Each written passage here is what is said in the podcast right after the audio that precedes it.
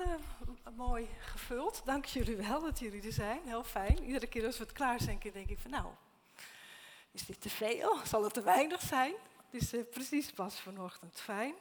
En ook het lied wat jullie gezongen hebben, wij verwachten hè, vol verlangen de Heer. En uh, ja, dat is ook als we het avondmaal met elkaar gaan vieren. Begin van deze maand hebben we stilgestaan bij, bij de doop. En uh, vandaag dacht ik, nou, we vieren avondmaal en dan wil ik graag met jullie stilstaan bij het avondmaal. En ik weet niet hoe het voor jullie is. Um, het, het, betekent veel voor me, omdat ik weet wat het betekent. Maar als we het vieren, dan vind ik het soms nog wel moeilijk om. Uh, ja, hoe zal ik het zeggen? Dat je er ook iets bij ervaart. Hè? Het kan heel snel een, een, ritueel worden wat we doen. Nou, we nemen brood, een bekertje, klaar. Dus ik ben vast niet de enige die dat uh, zo vindt. En uh, dus het is belangrijk dat we in ieder geval weten waar gaat het om en hoe vieren we het en wat, wat, waar leggen we de nadruk op. Want doop en avondmaal zijn twee sacramenten. En uh, wat zo mooi gezegd is door Tom Wright, de, dat zijn momenten, als de kerk de sacramenten viert, dat zijn momenten waarbij de hemel de aarde kruist. En dan komt er iets samen van God en mensen. Nou, dat vind ik prachtig gezegd. Dus wij, wij nemen deel dan in de genade die God ons wil schenken. Dus dat is wat we doen in de doop, maar ook in het avondmaal. En ik wil jullie dan meenemen in het verhaal over uh, de instelling van het avondmaal uit Matthäus. Dat is Matthäus 26. En uh, dat is een, een, lang hoofdstuk, daar gebeurt van alles. Van alles. En Matthäus heeft dat zo mooi samengesteld. En hij heeft het zo samengesteld hè, dat zo, weet je wel, je kan een accent aan iets geven. En dat heeft hij heel mooi gedaan om te laten zien, kijk. En te midden van dit alles doet Jezus dit. Het, het Paschafeest van de, van de Joden is uh, aanstaande. Over twee dagen is het zover hè, op dat moment. Een heel belangrijk feest voor hen waarop ze vieren dat God hen heeft bevrijd uit, uh, uit Egypte, uit de slavernij waar ze al een aantal honderden jaren gevangen zaten. God bevrijdt hen en dat blijven ze met elkaar gedenken. Dat mogen we niet vergeten. En dat is het Paschafeest wat ze vieren. Dat wordt gevierd met een maaltijd ik denk vast, sommigen van jullie hebben dat vast wel eens uh, meegemaakt, zo'n zo'n maaltijd. Er zijn verschillende ingrediënten die gegeten en gedronken worden. En elk ingrediënt heeft een symbolische betekenis die te maken heeft, die verwijst naar die, uh, die uittocht uit Egypte. En dit is ook het verhaal van Jezus die zegt, ik ga mijzelf geven. Ik ga mijzelf offeren voor bevrijding. En niet bevrijding uit de handen van de Romeinen, maar bevrijding uit de greep van het kwaad. Het kwaad wat ons ook als slaven gevangen houdt. Daaruit wil Jezus ons bevrijden door zichzelf te geven. En Jezus heeft de regie in handen. Dat, dat is eigenlijk de rode lijn door dit hoofdstuk. En Jezus heeft de regie in handen. En dat weten we omdat Matthäus het ons zo vertelt. Want als je er zelf geweest was op dat moment, en dat merk je ook wel aan de reacties van de leerlingen, dan was het denk ik moeilijk geweest om dat zo te zien. Dat Jezus de regie in handen heeft. Want het lijkt erop dat hem een groot noodlot treft. En het hoofdstuk begint met, uh, met deze woorden. Over twee dagen is het, zoals jullie weten, Pesach. Dat zegt Jezus. Dan wordt de mensenzoon uitgeleverd om gekruisigd te worden. Bam, staat er meteen. Dit is wat gaat gebeuren. Hij weet het. Dit is wat gaat gebeuren. En hij weet waarom het ook moet gebeuren. En hij kiest ervoor, hij gaat ervoor, hij gaat er recht op af. Hij heeft de regie in handen. En het volgende is, ondertussen kwamen de hoge priesters en de oudsten van het volk bijeen in het huis van de hoge priester Caiaphas. Daar beraamden ze het plan om Jezus door middel van een list gevangen te nemen en hem te doden. Maar niet op het feest, zeiden ze, want dan komt het volk in opstand. Dus de Joodse leiders, die menen dat zij de regie in handen hebben. Daarna vertelt Matthäus dat Jezus op bezoek gaat bij Simon in Betanië voor een maaltijd. En als ze daar aanliggen aan de maaltijd, komt er een vrouw binnen. En die zalft Jezus hè, met hele kostbare olie, een flesje met hele dure kostbare olie, dat giet ze over zijn hoofd uit. En in de ogen van de discipelen en de mensen die daar als gasten zijn, is dat werkelijk belachelijk, reinste verspilling. En Jezus zegt, nee, dit is zalving voor mijn overlijden en als ik in het graf gelegd word. Zij begrijpt het. Of dat nou echt zo is, ja, dat wordt niet zo duidelijk. Maar Jezus legt het zo uit. Dit is zalving voor mijn graf. Hij neemt hier de regie in handen. Hij neemt het niet alleen voor haar op, maar hij neemt ook de regie in handen. Zeg nog een keer, dit gaat gebeuren. Dit is een voorbereiding. Na dat voorval gaat Judas naar de hoge priesters en biedt zichzelf aan voor het vraag: wat krijg ik van jullie als ik hem verraad? Judas meent de regie in handen te hebben. En dan is het de volgende dag, de, tweede, de derde dag misschien, nou, als het eerst twee dagen was. Dit is dan de eerste dag van het feest. Daar geeft Jezus opdracht om het Pesachmaal voor te bereiden. En hij heeft al een plek geregeld. Dat heeft hij al besproken, waar ze dat samen kunnen vieren. En dan liggen ze samen aan aan de maaltijd. En ik, heb dit gekozen. Het is een, een, beeld, maar ik dacht, wat is dit mooi gedaan. Het is één geheel. Hè? Eén geheel waarbij ze aan tafel zitten met Jezus in het midden. Heel mooi uitgebeeld. En ze liggen dus aan tafel aan en dan gaat Jezus vertellen, een van jullie gaat mij verraden. Hij noemt het voordat het gebeurt. Jezus neemt de regie in handen. En dan na de maaltijd gaat Jezus zeggen, ja, dat is schrikbarend als je daarbij geweest moet zijn. Jullie allemaal zullen mij afvallen en verlaten.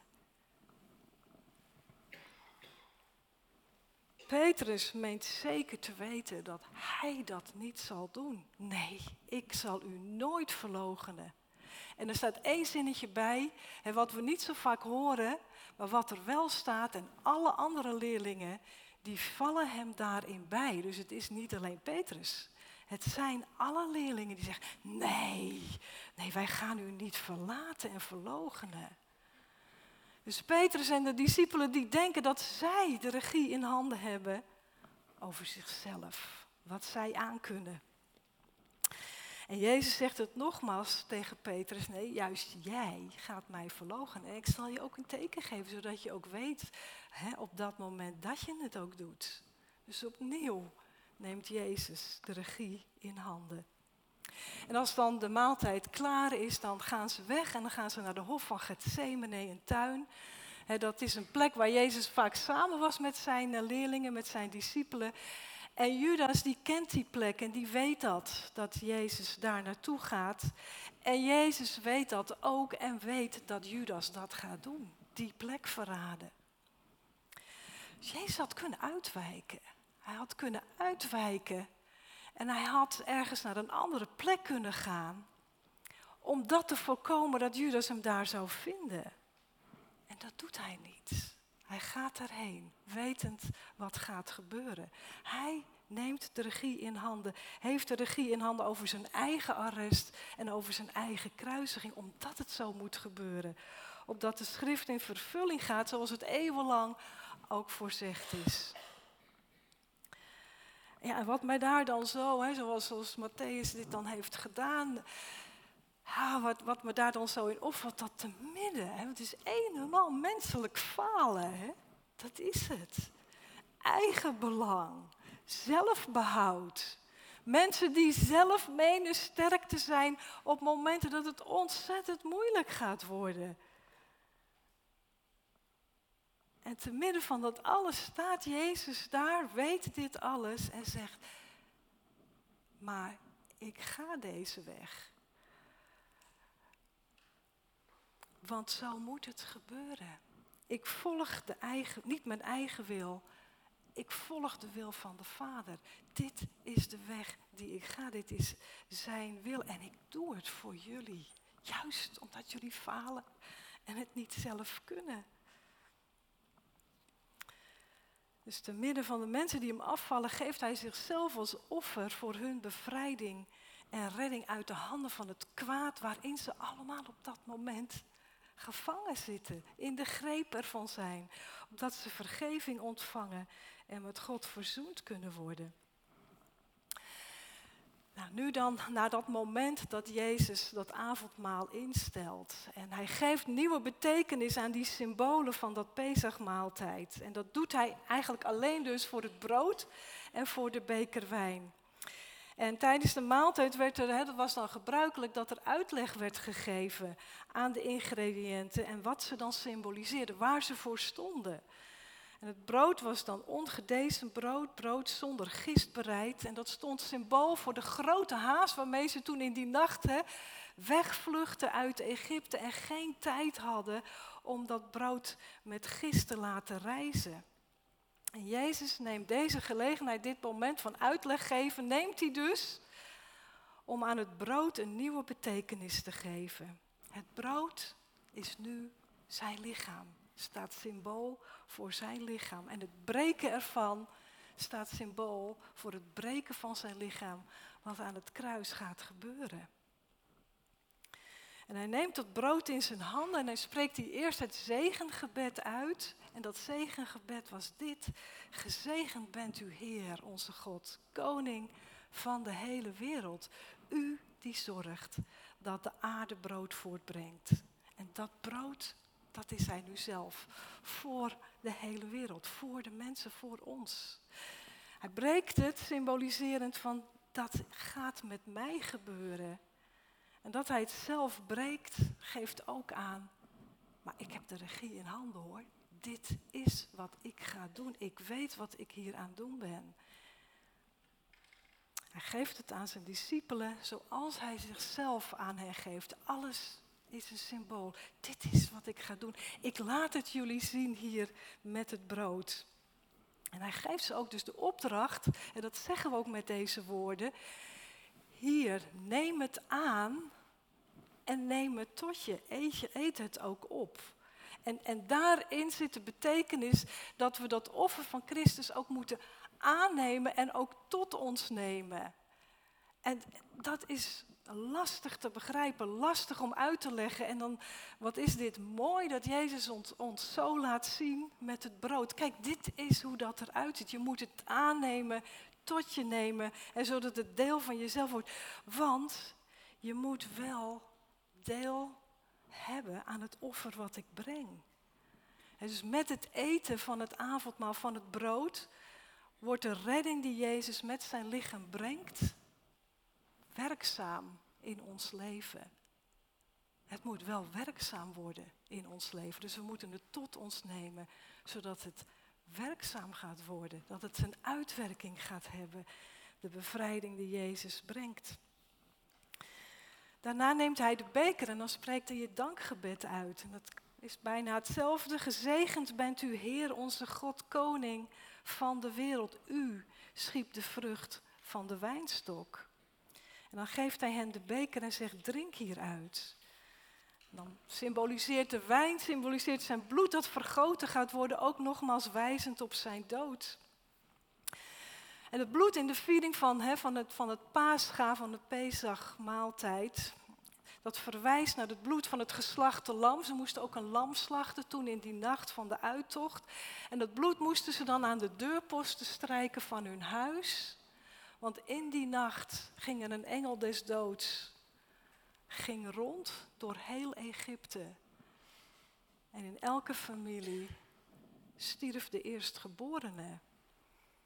Maar alleen aan die huizen waar het bloed aan de deurposten was gestreken. Alleen die huizen, daar ging de engel aan voorbij. Dus dit was het bloed dat redding brengt. Bloed dat redding brengt. Ze moesten het niet drinken. Was ook echt strikt verboden. Dus wat Jezus nu vraagt om het wel te drinken, is een geheel nieuwe betekenis die hij eraan geeft. En voor iemand die het niet begrijpt, klinken deze woorden als, als cannibalisme. Hè? Jezus eten en zijn bloed drinken. En dat werd die eerste christenen toen ook verweten. Omdat mensen niet begrepen wat ermee bedoeld werd. Begrepen niet dat het symbolisch bedoeld werd. Maar het is inderdaad zo dat wij daadwerkelijk eten en drinken, dat we dat doen in het avondmaal. Daarmee hebben we dus deel aan het offer van Jezus voor onze redding en vergeving. Zijn redding moet, het moet werkzaam worden in ons leven. Je moet niet alleen maar dat zien. Je moet niet alleen maar zeggen, ja dat was goed, dat heeft Jezus voor mij gedaan. Maar je moet het tot je nemen, zodat het uitwerking krijgt, blijft uitwerking krijgen in je leven. Redding en bevrijding brengt. Bevrijding van het kwaad wat ons in zijn greep wil houden. Nou zegt Jezus ook dat het bloed het bloed van het verbond is. En hij uh, wijst daarmee ook naar uh, Exodus 24, vers 8. toen, toen Mozes het bloed nam en hij besprenkelde daarmee het volk. En hij zei, met dit bloed wordt het verbond bekrachtigd dat de Heer met u heeft gesloten door u al deze geboden te geven. Dus God sloot een verbond met het volk Israël. En dat woord werd bekrachtigd door hen met bloed te besprenkelen. We weten uit het Oude Testament dat zij zelf uit eigen kracht niet trouw aan dit verbond konden blijven. En God belooft daarom een nieuw verbond. En daarover lezen we in Jeremia 31.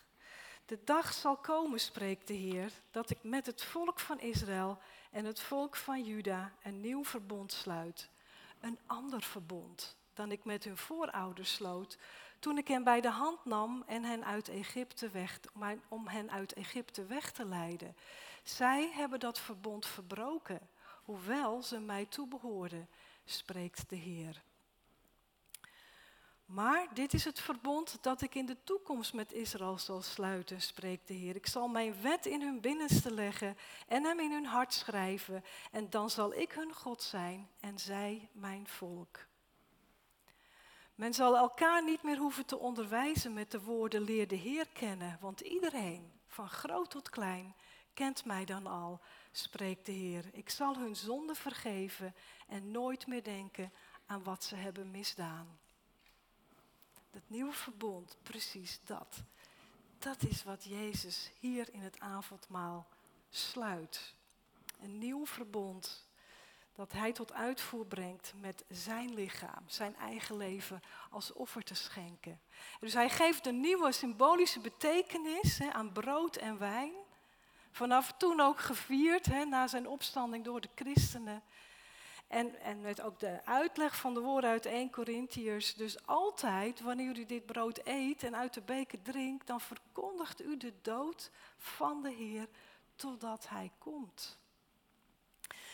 Dus het nieuwe verbond wordt met het bloed van Jezus gesloten en bekrachtigd. Dus ieder die het aanneemt, die het tot zich neemt, in hem, in haar, wordt de redding werkzaam. We ontvangen een nieuw hart, zeggen we dan. En wij zeggen het ook anders. We zeggen, ja, maar wij weten nu dat de geest, de Heilige Geest in ons woont. En die ons harten verandert, ons denken verandert. Zodat wij vanuit onszelf gaan doen wat de Heer van ons vraagt. Dat hoeft ons dan niet meer zo steeds voorgehouden en verteld te worden. Dat komt van binnenuit. Dat is dat nieuwe hart, dat nieuwe verbond in Jezus gesloten.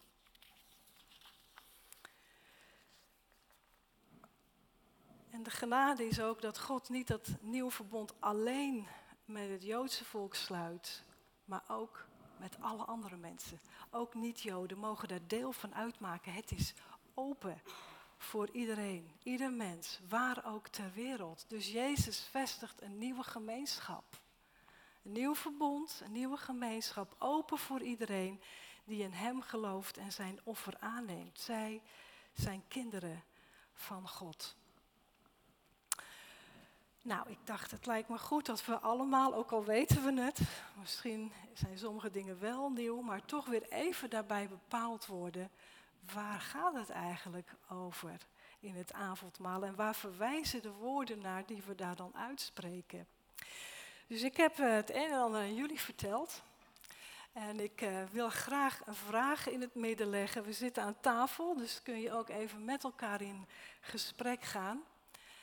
En de vraag om even met elkaar bij stil te staan, naar elkaar te luisteren, is: wat betekent de viering van het avondmaal voor jou? Wat betekent het voor jou? En heeft het voor jou ook die betekenis dat, je, dat wij Jezus dood daarin verkondigen? En wat ik ook zelf dacht, ervaren we dat nou in het avondmaal? Dat door daaraan deel te nemen, dat je, dat je de bevrijding die Jezus uh, gebracht heeft met zijn offer, dat dat in je eigen leven werkzaam wordt. Ervaren we dat in het avondmaal? Of, of, blijft het steeds maar dat ene moment dat je tot geloof komt en dat aanneemt dat Jezus voor je zonde is gestorven, dus nu ben ik een kind van God? Blijft het daarbij? Of kunnen we zeggen, nee, maar elke keer als we avondmaal vieren, dan word ik erbij bepaald dat Hij mij bevrijdt van iets wat op dat moment in mijn leven mij afhoudt om naar de wil van God te leven. Ik vraag mij af of we dat voldoende benadrukt hebben. Ik denk het niet. Dus ik wil dat eigenlijk op dit moment doen. Is dat ook wat we zouden naar voren moeten brengen, iedere keer als we het avondmaal vieren? Niet alleen maar is voor het moment dat we tot geloof zijn gekomen, maar iedere keer als we het vieren. Ik mag bevrijd worden. Dat wil Jezus doen van wat nu op dit moment in mijn leven speelt wat ik bij hem wil brengen. En zeggen, oh Heer, bevrijd mij daarvan. Nou ja, en dan had ik tot slot ook nog die andere vraag. Het avondmaal is best beladen geworden door de eeuwen heen. Door het verschil van mening over wat het betekent. Dus ook misschien hier roept het aarzeling op of je wel kunt deelnemen. Zit, zit daar ook die aarzeling bij je? Nou, ik denk dat ik zo voldoende meegeef om eh, even met elkaar in gesprek te zijn. En dus ik eh, wil jullie vragen dat ook te doen. Laat even, vertel gewoon ook even aan elkaar, dat we het ook van elkaar horen. Wat betekent het avondmaal eigenlijk voor ons, voordat we het ook daadwerkelijk gaan vieren.